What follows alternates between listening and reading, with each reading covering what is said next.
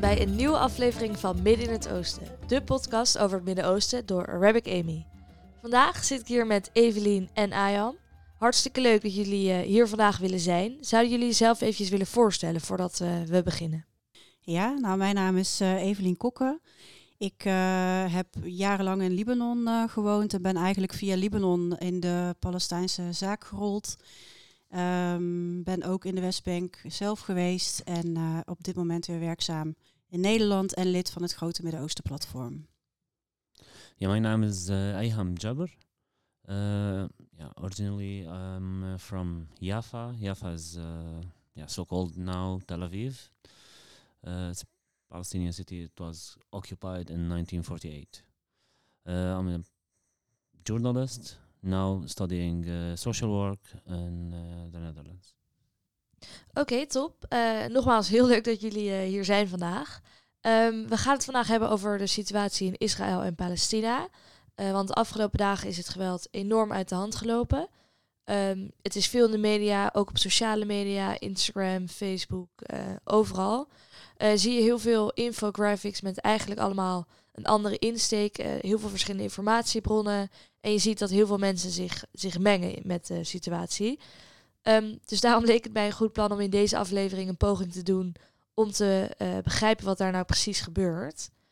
Um, ja, en daarnaast, uh, voor we echt beginnen, zeg ik er even bij dat deze aflevering niet bedoeld is om mijn eigen mening te geven.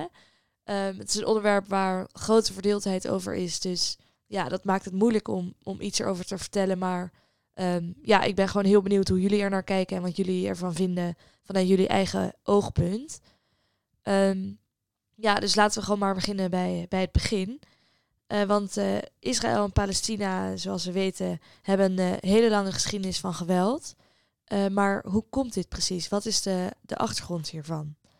Evelien, zou jij misschien hierover iets kunnen vertellen? ja, maar moet ik al even nadenken waar ik ga beginnen.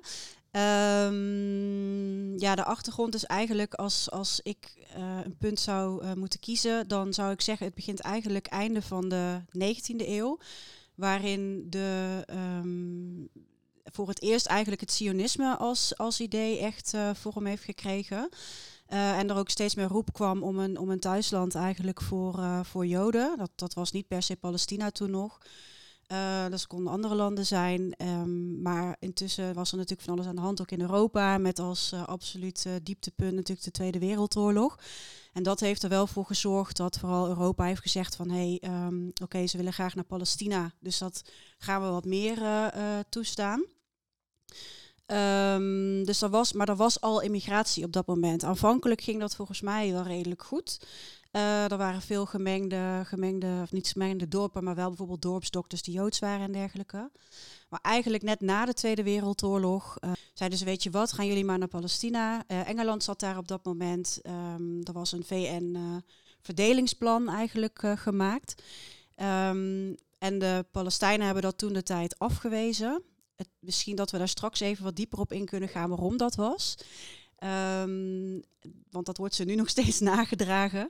Uh, dus ze hebben dat afgewezen. En wat er eigenlijk is gebeurd, Engeland werd het wat te heet onder de voeten. Die, zijn zich, die hebben zich teruggetrokken. En op dat moment heeft Israël eigenlijk zichzelf uitgeroepen op over de grenzen van wat door de VN was toegewezen aan hun.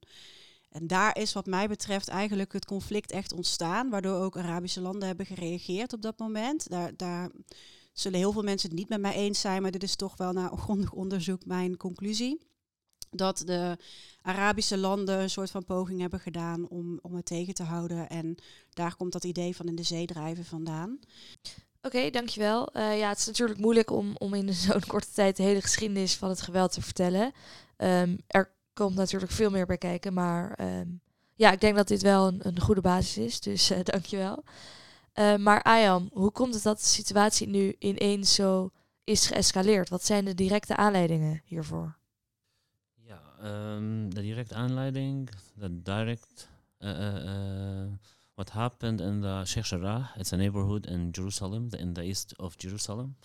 And it's the area, yeah, even the UN recognized it as a Palestinian area.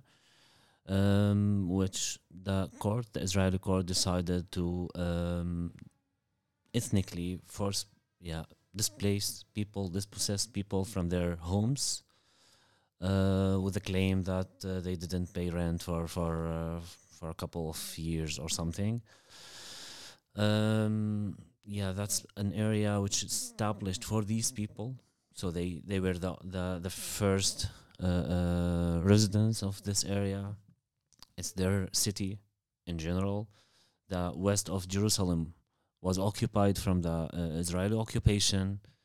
Was same as ha- what happened in Sheikh Jarrah happened in the in the uh, west of the city, where people were dispossessed from their homes, where people were uh, uh, just um, forcibly deported to another places, and then settlers came and uh, uh, just uh, became the new residents of this area. Sheikh Jarrah is the yeah located in the middle of the city, so it bring very important yeah a, a- value for for Israel to occupy the whole city, and that's the the plan uh, for them. Um, yeah, after 27 days, if you're asking about the escalation, after 27 days, the the the soldier, yeah, settlers were protected by soldiers trying to uh, um, all the time to to terrorize the people of Sheikh Jarrah, uh, dispossess them from their homes, uh, arrest uh, many of the, the the the guys there, like uh, uh, many uh, young people. Also, yeah, it doesn't matter for Israel, like the the violations of human rights. It doesn't matter, like if you're young, if you're children, it doesn't matter for Israel. And what to tell more? Like, uh, yeah, I'm totally overwhelmed with the whole situation. So, uh, just to tell about it, it, it can bring a lot of emotions. Um, in the whole city, there is ethnic cleansing. So, and it's not just started right now. It started in, in the early, early 30s, actually, when Yeah. the, the the English were there. Uh, yeah, I can add like what happened. It started. If I would go back to the first question, it started in the Zionist uh, uh, conference in Bâle in Switzerland in uh, yeah 1897. That was the first move. Then 1917, when uh, the British government gave a promise to the Jewish people to build a country in Palestine. Then started after that many uh, Zionist militias to go there to the area and to terrorize the people there. Like for example, I'm from Jaffa. Uh, that area there were a lot of actions of, of, of violations of violence for sure uh, to the people there just to deport them and to do the same thing like what happened right now. It's ethnic cleansing happening all over since 100 years maybe. And it's just to to clean the area from all the, the uh, non-jewish uh, uh, people and to uh, uh, the, yeah replace them with new settlers Wat is dan eh, precies het verschil? Je zegt dat het al jarenlang aan de gang is. Eh, maar waarom wordt er dan nu zoveel gedemonstreerd en komt het tot zo'n enorme uiting? yeah what happened actually that the palestinians ha- yeah they they never had uh, tools with in their hands to tell the world what's happening it's always with the western media it was all we were always the the, the terrorists as it comes in the, in the in the western media and it's not just about people like when you're when you when you hear about hamas in uh, in the dutch media for example um, if you check the news until the the first uh, uh, respond from the first reaction from the Palestinian on what's happening in Sheikh and that was the the moment of the escalation. Then the world started to talk about what's happening there. Before that, I was checking the Dutch news. No single news about what happened in Sheikh Jarrah in Jerusalem. We were trying to to spread the whole the the word, the whole the message, and what's happening there. Save Sheikh Jarrah. That's the the, the hashtag. No one listen, and no one wants for sure to do that because it's embarrassed government sometimes, and for some time, yeah, and it's yeah basic uh, uh, position since since ever uh, happened. Ja, als ik, als ik nu dan in kan breken als het gaat over de, de escalatie van nu. Er zijn natuurlijk wel ook eerder escalaties wel geweest, ook met Gaza. Ehm, En ik denk wel dat je een goed punt maakt door social media. Er is gewoon meer, meer duidelijk. En ik denk ook wat een groot verschil is, dat de raketten van Hamas ook iets verder komen tegenwoordig dan voorheen. Dus het is ook wel iets um, gevaarlijker. Voorheen was het echt de plaatsen die dicht tegen Gaza lagen, die, die wel wat risico liepen. Um, maar nu hebben ze toch wel behoorlijke uh, kracht om ook weer net verder te komen. Dus het is ook in die zin denk ik dat er grotere alarmbellen gaan rinkelen overal als dus Palestijnen die raketten gaan schieten. Dus dat heeft er denk ik wel mee te maken dat er meer aandacht ook nu voor is gekomen. Maar ik wil vooral ook even toevoegen dat wat jij zegt, uh, wij zien in het nieuws heel veel dingen niet. En zo is het eigenlijk dat, ja, ik, ik, weet eigenlijk niet eens wanneer ik moet zeggen, want het is eigenlijk door, gaat het door. Elke dag gaan er gewoon jongeren dood door soldaten. Er worden gewoon jongeren doodgeschoten omdat ze zogenaamd een mes zouden hebben. Dat is ook niet altijd bewezen. Um, en eigenlijk is dat bijna elke dag wel het geval. Dus het is een opstapeling van steeds meer ellende, ellende, ellende. Uh, dan komen er waarschuwingen van Hamas. En in deze ging het dus echt om het ja, toe-eigenen van die, van die woningen in Sheikh En waar ze um, wat ik dan wel, wel grappig vind, of nou ja, grappig, wat ik, wat ik dan lees in de media hier is van ja, maar ze zijn officieel, ze hebben de huur niet betaald en dus kunnen ze uitgezet worden en dat heeft de Israëlische rechter zo bepaald. Maar het is natuurlijk best wel gek als het een officieel Palestijns stuk grond is, um, dat een Israëlische rechter die de bezetter is, kan bepalen of dat nou jullie huis is of niet.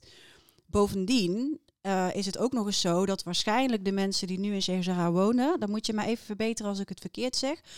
Uh, dat zijn ook voor een deel de mensen die eigenlijk in wat nu Israël is woonden. En ja, die mochten daar niet meer wonen, dus die zijn in het Palestijnse deel van Jeruzalem gaan wonen. En nu wordt dat dus ineens soort van toegeëigend. En jij had het net ook nog heel even over, ja, dat is het plan ook om heel Jeruzalem uh, te krijgen. Uh, ja, dat wordt natuurlijk overal ook bestreden. Maar als je puur naar de kaart kijkt, van, um, ja, die heb ik nu niet even bij de hand, maar op de kaart kan je heel goed zien waar de Joodse uh, settlements worden gebouwd. En je ziet gewoon, die zijn sowieso illegaal, even voor de duidelijkheid, ook door de internationale gemeenschap worden die beschouwd als illegaal op Palestijns grondgebied. En je ziet dat ze die helemaal in een soort van ring om Oost-Jeruzalem heen hebben gebouwd. Dus echt aan de Palestijnse kant op hun land zijn heel veel settlements uh, verschenen. Dat zijn gewoon eigenlijk nieuwe steden, nieuwe wijken, zo kan je het zien.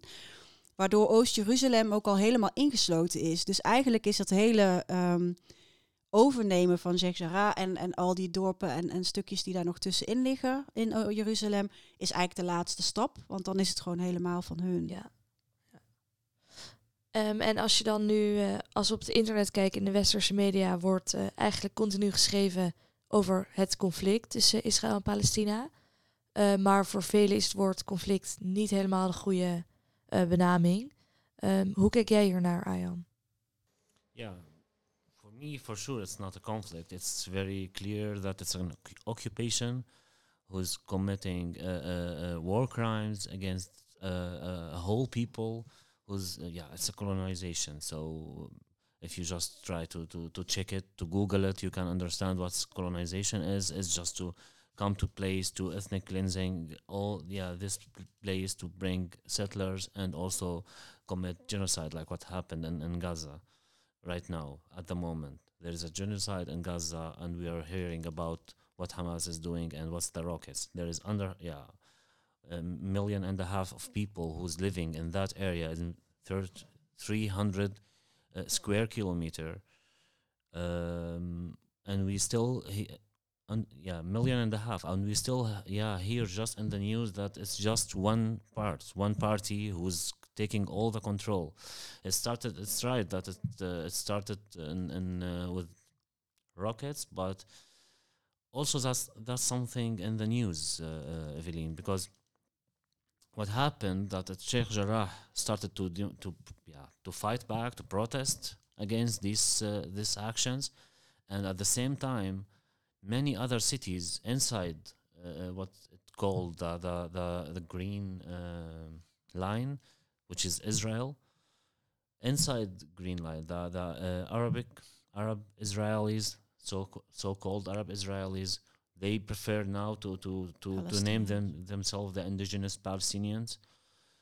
they start to protest in all other cities, in Led, in Haifa, in Jaffa, in Beersheba, uh, and it started also to to like the the, uh, gov- the um, occupation start also to terrorize these protesters. So it didn't stop there. After that, it comes uh, uh, the, the the response from Gaza, but not before.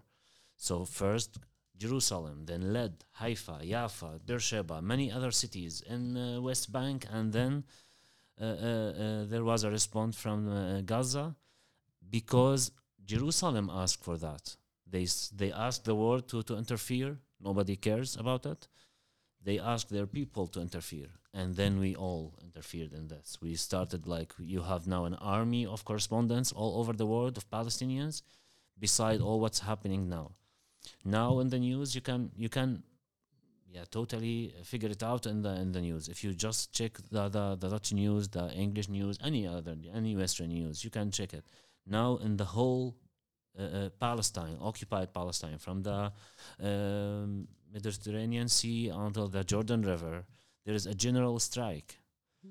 There is no one single uh, uh, shop open people are protesting in the uh, streets and now there are also uh, um, actions which take the, yeah, terrorizing from the, Israeli side also to this.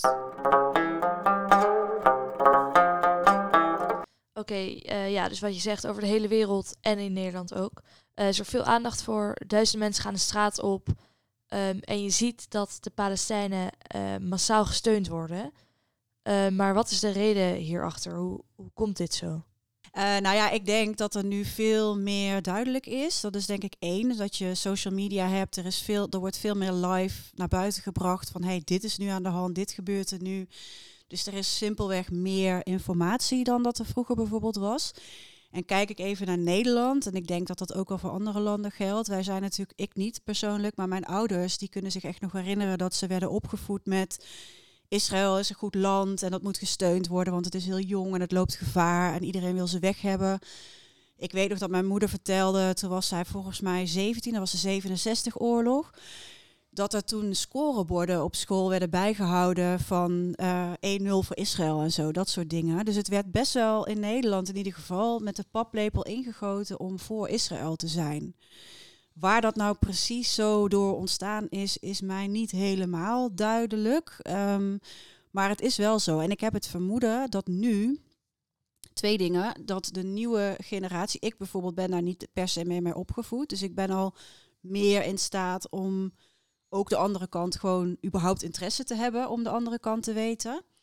Ehm, ik heb ook heel veel discussies gehad binnen mijn familie, want iedereen die was daar, ja, die waren toch wel niet actief, maar zeg maar wel gewoon pro-Israël eigenlijk. Maar die zijn ook wel door alles wat ik kon laten zien en vertellen wat ik gezien heb, toch ook wel van mening veranderd. En wat ik ook op social media wel zie, is dat er heel. We hebben natuurlijk gewoon een heel grote groep nu mensen die gewoon ook meer met eh, Palestina hebben. Dus zeg maar Marokkaanse jongeren bijvoorbeeld, of Turkse jongeren, die zijn natuurlijk nu ook hartstikke actief op social media. En ook daardoor is er gewoon meer aandacht voor. Het wordt simpelweg vaker gedeeld. Dus dat, ehm, ik denk even kort dat dat ongeveer de reden is waarom er nu meer eh, bijstand is. En ik, ik, heel eerlijk gezegd, ik denk als je je echt gaat verdiepen, want ik baseer mezelf vooral, behalve natuurlijk ooggetuigverslagen en een beetje praten met de mensen daar, eh, heb ik expres ook vaak gekozen voor Israëlische eh, boeken en Israëlische historici die er iets over gezegd hebben. Zodat mensen nooit kunnen zeggen dat ik alleen maar de Palestijnse kant bekijk. En ja, weet je, voor heel veel mensen raar maar waar, maar die zeggen toch hetzelfde als wat wij zeggen over de mensenrechten. Dat het gewoon niet klopt wat er, eh, wat er is gebeurd en wat er nu nog gebeurt. Ja. En eh, al die berichten die allemaal worden gedeeld op social media en in kranten en eh, overal eigenlijk. En wat je zegt in die Israëlische boeken. ehm, hoe wordt de situatie daarin geframed? Wordt er veel valse informatie verspreid? Of zien we dat eh, juist bepaalde bronnen heel erg biased zijn? Ehm, hoe wordt hiermee omgegaan? Ja, echt valse, valse informatie. eh, Soms denk ik wel, maar ik zou vooral zeggen dat biased, en dat zit hem vaak in woordgebruik. En dat is eigenlijk een beetje sneaky, om het zo maar te zeggen. Want ehm, door bijvoorbeeld eh, het woord conflict dan te noemen. Ik gebruik het zelf soms ook nog wel per ongeluk. Maar dat wordt natuurlijk al, dan heb je al de schijn van gelijkwaardigheid. Maar ook door altijd te zeggen van ja, Hamas heeft raketten gestuurd. ehm, zonder dus bij het begin te beginnen.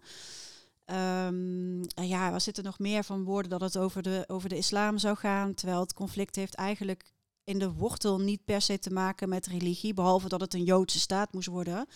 Maar ik bedoel, Palestijnen, die zijn gewoon christelijk, moslim en ook Joods. Er zijn ook nu nog Joodse Palestijnen. Dus het is in de wortel is het geen religieus conflict, maar een conflict over te mogen bestaan op een land waar zij gewoon echt een band eh, mee hebben. Ehm, dus door dat soort dingen te benoemen en bijvoorbeeld makkelijker te zeggen over de terroristische organisatie Hamas. Nou, ze staan ook op de lijst, dus natuurlijk kan je dat dan zo zeggen.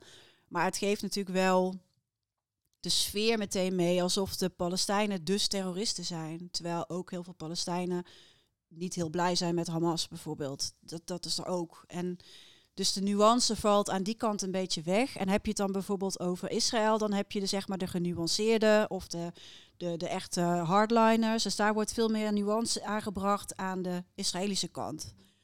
Ehm, dus dat, dat zie ik vooral. Ik weet niet of jij nog aanvullingen hebt uh, daarop. Yeah, actually, for me, I think like that to, to be biased and to, to give the, the information in the way it uh, it comes in the news in the Netherlands, it's just false. Because when I tell you, like uh, when I start to tell you, uh, Israel uh, had the right to defend itself, and I start the, the whole story from here, so I take the whole perspective, like what you're gonna build on this story, from there.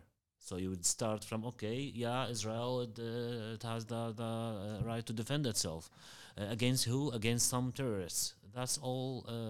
Yeah, that's all false news. Ja, het, it's het, not. het it's woord, het woord defend is natuurlijk in zichzelf al meteen alsof het er een aanval is, want anders hoef je je niet te verdedigen. Yeah. Dus dat, dat, maar ja, ik weet zo niet al die voorbeelden op te lepelen, maar het zit heel veel in het woordgebruik. En wat ik wel grappig vind, is dat je dat nu dus op, op Facebook worden ze daar ook op aangesproken. Van hey, let gewoon op hoe je dingen schrijft. Dat is ook echt zo'n lijstje van eh, bijvoorbeeld eh, Arab Israëli's noemde jij net ook al, hè? Dat, dat, dat wordt zo genoemd. Maar eigenlijk zijn dat gewoon Palestijnen met een Israëlisch paspoort. Yeah. Ehm, maar dat zijn niet zomaar andere Arabieren. Dat zijn mensen die gewoon nooit weg zijn gegaan, nooit eh, weg zijn gejaagd, nooit weg zijn gegaan. Eh, vaak waren dat ook christenen trouwens, die, die konden vaak nog wel blijven. Ehm, maar goed, dat is, dat is weer een ander verhaal. Maar ehm, ja, dat eigenlijk. Dus er zit in het woord, de woordkeuze en vanuit waar je ook start met, met je berichtgeving, daarin zit die bias wel heel It's duidelijk. not. It's yeah, yeah. What you, you just say. It's also uh, it's a part. It's how I can just like if the propaganda works. When I tell you like what's happening in Palestine, you think if I if you ask uh, somebody who, who who doesn't have really uh, insight about the situation, it's between Muslims and Jews. That's first thing. It's between uh, uh, terrorists and a state, and that's not that's not, not the reality in and that's what's now changed that we could at least provide the, the whole world the reality uh, life uh, to deliver it in our way to use the, the, the expressions we can use we can express now our words so you can understand okay it's an occupation. Oh okay it's an ethnic cleansing it's a, a, a colonization. Okay it's from another it's a genocide in, in gaza. It's not just hamas uh, uh, uh, uh, firing rockets from gaza. It's genocide. Like there is a massive power called israel attacking another people who are defenseless people and you hear it in the news like israel has the right to defend to defend itself. That's false news right? Like when you think about it if you think how it can make the direction to you it's yeah you go in another direction. The whole the whole history was built on this. Like on yeah it, it, it was built just to to to switch the direction to tell about uh, uh, something different like yesterday yesterday for example i, I was watching a, a um, israeli professor in harvard she was talking to a political science students and she was telling them don't let them talk about the nature of israel and that's occupation colonization that's the nature of israel they try all the time to switch the direction to talk about something else and that's problem. That's our problem. Now we are uh, develop. Yeah, we developed the last years many tools. We could use now the uh, internet. We could use uh, many things to reach uh, uh, um, knowledge first, and that's what what what is different now. You can uh, access knowledge from all, all over the world, and you can also tell your story. You have a will, like because you're the the the, the land uh, owner. You are really the the uh, uh, from this land, and you want to, to defend it for sure. So you have this in the media also. Uh, yeah, that's something romantic, but that's something real, authentic. That's something we use it as our power. Our power is that we have a will to return to our land. Why I am like now in, in, in the Netherlands? Why I would uh, defend that land? Because we have a will, because this is justice, because here there are people who are for 73 years now under this occupation, suffering, uh, and all the time, like in the in the news, they are coming. Even in the positive news, they are just coming as a victim. So you don't know what do Palestinians do. Are they? Uh, uh, do they know how to to use anything? Do they know like it's just to talk about like like a clans. Also, they try to show us as clans who live around Israel. it's not like people, indigenous people of this land. So the whole image was for the last 73 years in the whole uh, uh, uh, media for you, because that's the way how you reach uh, the news about us, uh, was always, uh, uh, yeah, there was always misleading. Ja, en dat heeft dan denk ik weer te maken met wat ik net zei vanuit het ontstaan en het beeld van dat ze toen aangevallen werden, net, na, net nadat ze waren ontstaan. Daar is denk ik dat beeld ook heel erg van dat verdedigen vandaan gekomen, alsof dus iedereen ze in de zee wilde drijven. Ehm, terwijl ik, dat betwist ik ook, dat dat de bedoeling was. Ehm, andersom is het overigens wel gebeurd, in Haifa onder andere. Daar zijn wel echt eh, de mensen die in Haifa wonen, dat is een kuststad, die wonen nu veel in Libanon. En waarom? Omdat ze letterlijk de zee ingedreven zijn op een bepaald punt. Ehm, dus ja, daar komt het denk ik vandaan. En wat ik ook wel goed vind nu aan meer informatie ook over de rechten. eh, er, is inderdaad, is het zo dat als je bezet wordt, dat er in het internationaal recht is vastgelegd dat je je mag verzetten. En ook gewapend, dat staat er gewoon in. Dus ehm, ja, en daar, daar hoor je eigenlijk ook nauwelijks wat, eh, wat over. Ja. En als we even kijken naar, naar de mensen zelf, dus even niet naar, naar de overheid.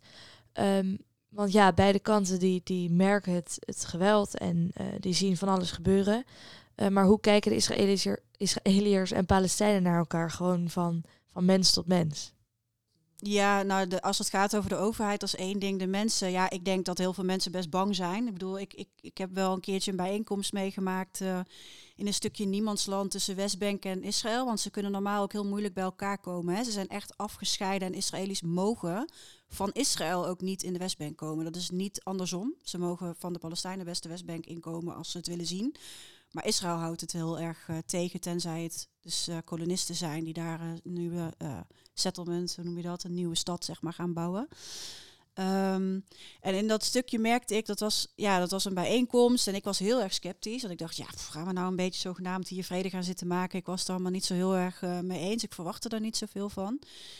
En wat me opviel was dat de Israëli's eh, heel erg bang waren. En echt dachten van, er zitten daar een soort monsters of zo die ons nu gaan opeten. En, en ze gaven dat ook toe van, ik ben echt heel bang. En, en het is, nou, ik vind het gewoon heel eng. En ik wil graag weten waarom ze ons dat zo willen bedreigen, die Palestijnen.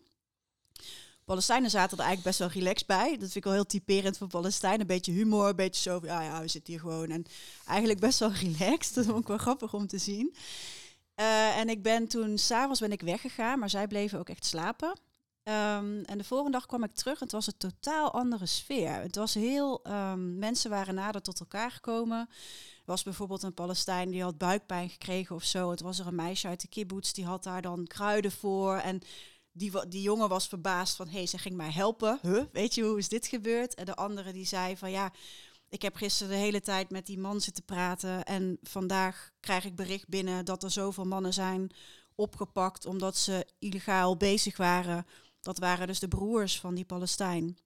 En hij zegt, ik weet dus nu dat dat dus niet illegaal was, maar dat ze eigenlijk hun eigen land probeerden te bewerken. Maar dat ze geen vergunning hadden voor Israël om op hun eigen land dus olijven te plukken. Dus hij zei, altijd als ik op het nieuws hoorde Zeven Palestijnen opgepakt, dan dacht ik, oh, daar zijn weer van die terroristen. Hij zegt, maar nu, mijn hele wereld staat op kop, zei hij. Want nu weet ik dat dat de broers zijn van, van Aymat, heette die geloof ik, ehm, die gewoon olijven gingen plukken. Dus die, die kentering was in het klein dus best wel gaande. Er waren ook al een paar jongeren die zeiden, die hadden ook ooit zo'n kamp gehad. En die zeiden, ja, dat gevoel van samen kunnen zijn, dat was heel bijzonder. En ik vond het ook bijzonder dat de Palestijnen dus best wel ja, vergevingsgezind, of hoe wil je dat noemen, eigenlijk best wel oké daarmee omgingen. Ehm, dus angst, ja, heel veel angst. Dus dat, dat zie ik wel. En wat ik heel kwalijk vind van de overheid daar, is dat ze dat melken. Dus ze voeden die angst continu. Ehm, dus ja, dat, dat, en daar, daar word ik wel heel boos van. Want ik denk, je, je, je traumatiseert op die manier gewoon twee volkeren. En uh, je doet dat met een bepaalde reden, omdat je gewoon de grenzen nog wil uitbreiden. Ja, en als we dan even kijken naar inmengingen van andere landen, want um, veel landen mengen zich uh, natuurlijk diplomatiek in, in de situatie uh, in Israël en Palestina. Uh, maar hoe, hoe uitzicht dit? Wat zijn bijvoorbeeld verschillende standpunten en belangen van landen om zich hiermee te bemoeien? Yeah, unfortunately, we don't, we didn't get any new official position, like to to uh, to be in the side of the justice, in my opinion, at least. Um, Netherlands took the side of Israel, like always. Uh, they see it as a, as we said before, defense, yeah, self-defense, and the yeah the the words, uh, yeah, uh, Mr. Mark Rutte have used in his tweet to tell about the story. It was very, yeah, yeah. Actually, I'm out of words when I want to describe this actually because when you see it from a side of the Palestinian, you see like, oh, how did you frame this story? How did you frame this uh, situation in this way? Uh, U.S. like yesterday, uh, Israel was thanking the U.S. because they uh, just blocked uh, the ceasefire, the the decision of ceasefire you can also imagine uh, uh, the situation from this. Um, en ze kregen heel veel geld voor wapens. Oh 375 miljoen, even als ik het niet. Uh, yesterday or before yesterday? Ja, dus gisteren of eergisteren, ik weet het niet precies, maar in ieder geval heel veel geld is weer opnieuw toegezegd voor wapens. million dollar, ja, dat ja, ja. En wat, um, wat betreft ook de, de VN, want dat heb ik me ook heel lang afgevraagd van waarom doet de VN nou niks? Want die sturen toch altijd blauwhelmen. Dat dacht ik. En dat willen ze ook. Maar je hebt natuurlijk de Veiligheidsraad, waarin dat soort dingen besloten moeten worden. En daar zijn vijf landen, even uit mijn hoofd, die vetorecht hebben. Waaronder dus Amerika. En die blokt eigenlijk altijd alle, um, ja, eigenlijk alle resoluties die moeten worden aangenomen, worden door vetorecht van Amerika uh, onderuit geschoffeld met hun verklaring daarvoor is dat zij via diplomatieke middelen dat conflict, uh, dat conflict dus willen oplossen. Maar ik denk dan, ja, dat proberen jullie volgens mij nu al heel erg lang. Stuur gewoon een vredesmacht. Ik weet niet hoe jij daarover denkt, maar ik, ik zou dat echt wel wenselijk vinden. Dat daar gewoon een, neutrale interventie uh, komt. Ja. ja, en als we uh, even hierop doorgaan. Ayam, hoe zie jij bijvoorbeeld, wat zie jij bijvoorbeeld voor je op op korte termijn als een soort oplossing? Of ja, op zijn minst dat, dat het geweld stopt. Heb je hier enig idee over? Um, yeah, it's a struggle actually. I see it. Uh, the oplossing is to give the people the rights, and that's in the short termijn, in the short terms, or in the long terms. Um, I can't just give you a political answer right now, like political uh, uh, solution for the longest uh, crisis of a people ever, maybe, in this uh, uh, way. Like this, uh, um, as Evelyn name it, conflict, not me, because it's. But I, I, I would go for that. Um, yeah, in Gaza there is, as I told you, like since the uh, um, June 2007, mm-hmm. There is a siege on that area. Like there is 100 half uh, like um, 100 1 million uh, people, one half million people. They are in siege since 14 years. So if the, if uh, if there is a children of there is a, boy who was born uh, 13 years ago, he never knew what's the word means to him. Like he, he can't imagine what does word mean because he, he lived in siege. He faced six wars until now, and with each war there was massive power, and always there was talking about this. So you can't just find a solution for these people unless you give them freedom. In West Bank, there is all over the West Bank checkpoints. There is an apartheid. There's a, a, and that's literally apartheid in, in, in Palestine, and that's the system. In uh, what's so-called 48 territories, we called it the Palestinians, the territories which occupied in 1948, led Jaffa, Beersheba. Now they are calling, at the moment, they are calling for international protection. That's a solution for them right now. Like the first solution for them, the first action to take is to, to give them international protection because their government is terrorizing them, is uh, exiling them, arresting them, killing them. Uh, in Jerusalem, people they are uh, threatened to be uh, deported, dispossessed forcibly uh, from their places. There is a problem of six million refugees who are willing to go back to their countries, to, to, the, to their country. I'm willing back to go to, to Jaffa. My grandparents was were was killed with his four uh, uh, brothers by the Israeli occupation in 1948, and that when my, my father went to, to with his mother and his brothers who, who who left alive to Syria and to Jordan. They were split also, and that's the situation for the whole yeah six million people who are living all over the world, split like they there is no one family in one country Yeah, that's true.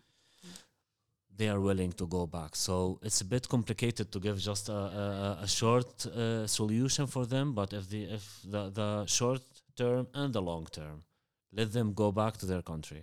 Let them get the right, as it was mentioned uh, uh, by the United Nations,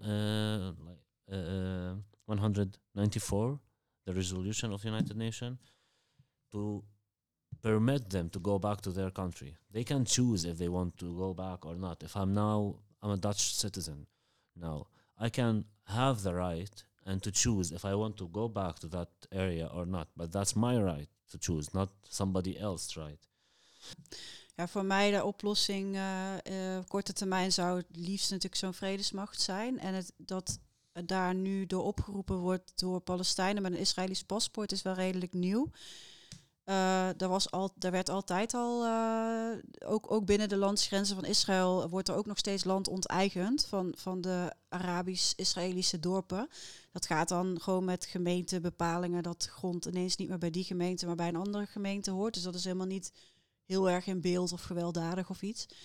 Ehm, maar goed, zij merken het wel, want ineens hoort je tuin niet meer bij jouw huis, maar hoort bij een andere gemeente en dan is het niet meer van jou. Maar dat zij nu actief oproepen tot bescherming, eh, ja, vond ik ook wel heel heftig. Want zo erg is het, is het nog nooit geweest. Er waren altijd al wel protesten en dat werd ook wel neergeslagen. Maar nu hoor ik wel geluiden van echt, eh, weet je, lynchpartijen en zo. En dat, dat, daar ben ik wel heel erg van geschrokken. Dat er eh, gewoon mensen worden, oude mensen ook worden gelyncht en zo. Als ze toevallig in die heel rechtsextremistische eh Joodse groeperingen tegenkomen. Eh, dus ik zou zeggen, korte termijn, er moet gewoon een staakt het vuren komen. En er moet eigenlijk, idealiter zou er ook gewoon interventie komen van de VN. Lange termijn, ja, die is een stuk ingewikkelder. Ehm, ik, ik vraag me wel af of twee staten überhaupt nog levensvatbaar zou kunnen zijn. Want als je kijkt hoe het nu, als ze het zouden zeggen, oké, dan gaan we het verdelen zoals het nu is. En dat wordt dan Palestina en dat wordt dan Israël. Dan is een Palestijnse staat niet meer leefbaar. Dat is gewoon te klein en te versnipperd eigenlijk. Ehm, dus en ik, ja, eigenlijk het gekke is dat het de facto, als je het zo wil zien, al één staat is eigenlijk. Omdat alleen waarvan een deel gewoon niet de rechten krijgt die het verdient. Dus je zou kunnen zeggen, een oplossing zou kunnen zijn één staat waarbij iedereen gelijke rechten krijgt. Maar dat wil Israël gewoon absoluut niet. Dus uh, ja. But yeah, I'm Palestinian. I would I would go for that solution. Yeah? Yeah, for sure. Okay. Because I don't want just to kill uh, or to send back four millions who who were uh, uh, living there. But if they want just to live with me in peace. Ja. Ik uh, ben uh, heel aandachtig naar jullie aan het luisteren. maar ik denk dat we hier nog uren over kunnen doorpraten als we zo doorgaan. Um, dus is er nog iets als laatste wat jullie willen zeggen of, of nog kwijt willen? Um, yeah, I can just make it very short this time. stop the apartheid. Stop the genocide. that's the short and long term solutions. Return the refugees. Um, one state where everyone can live in peace.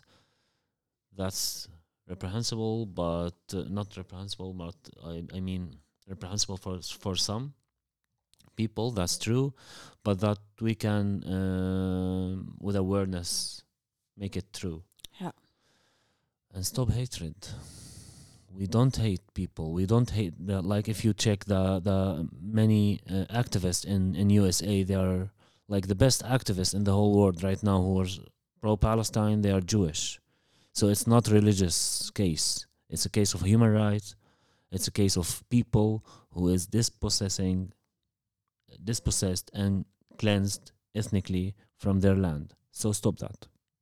yes. It's Zo klinkt het best uh, simpel eigenlijk. Ja. Ja, ik kan natuurlijk een verhaal nu. De, ik, ik wou het uh, voor de mensen die luisteren en die zeggen: Nou, ik wil, ben eigenlijk wel nieuwsgierig geworden om daar meer over te lezen. Kan ik wel boekentips misschien geven? Ik zou zeggen: uh, eigenlijk alle boeken van Ilan Papé zijn. Uh, dat is ook de Israëlische historicus die gewoon echt in de archieven van. Israël is gedoken rondom het ontstaan. Dat is heel interessant. de etnische zuivering van Palestina iets wat ongelukkige naam, omdat het meteen al aangeeft waar het over gaat. Maar het is wel, dat boek heeft mij heel veel inzichten gegeven en dat het er echt wel anders zat dan ik, uh, dan ik dacht. Ik noemde Mico Pelet al. En verder denk ik dat het gewoon, uh, weet je, als je op YouTube wil kijken, Norman Finkelstein of oh, uh, ja, die is ook goed. Um, ja, kan er meer zeggen? Dries van Acht heeft een boek geschreven, uh, Schreeuw om Recht. Dat is ook gewoon een goed boek. Dus uh, dat. Uh... Genoeg uh, tips zo te horen. Genoeg materiaal in ieder geval. Um, ik zal de namen toevoegen aan de beschrijvingen, zodat deze makkelijk te vinden zijn. Um, ja, dan wil ik jullie heel erg bedanken voor, voor jullie verhaal, voor jullie mening, jullie perspectief op de hele situatie. Um, ik vond het in ieder geval heel interessant om te horen. Dus heel erg bedankt daarvoor. Ja, jij ook bedankt voor de kans. Dankjewel. Als je het nou uh, interessant vond, vergeet dan niet te abonneren op dit kanaal. En vergeet ook niet te volgen op Instagram, midden in het oosten podcast. Uh, volgende week weer een nieuwe aflevering die ook over uh, Israël en Palestina zou gaan, maar dan met een iets andere insteek. dankjewel voor het luisteren en tot volgende week.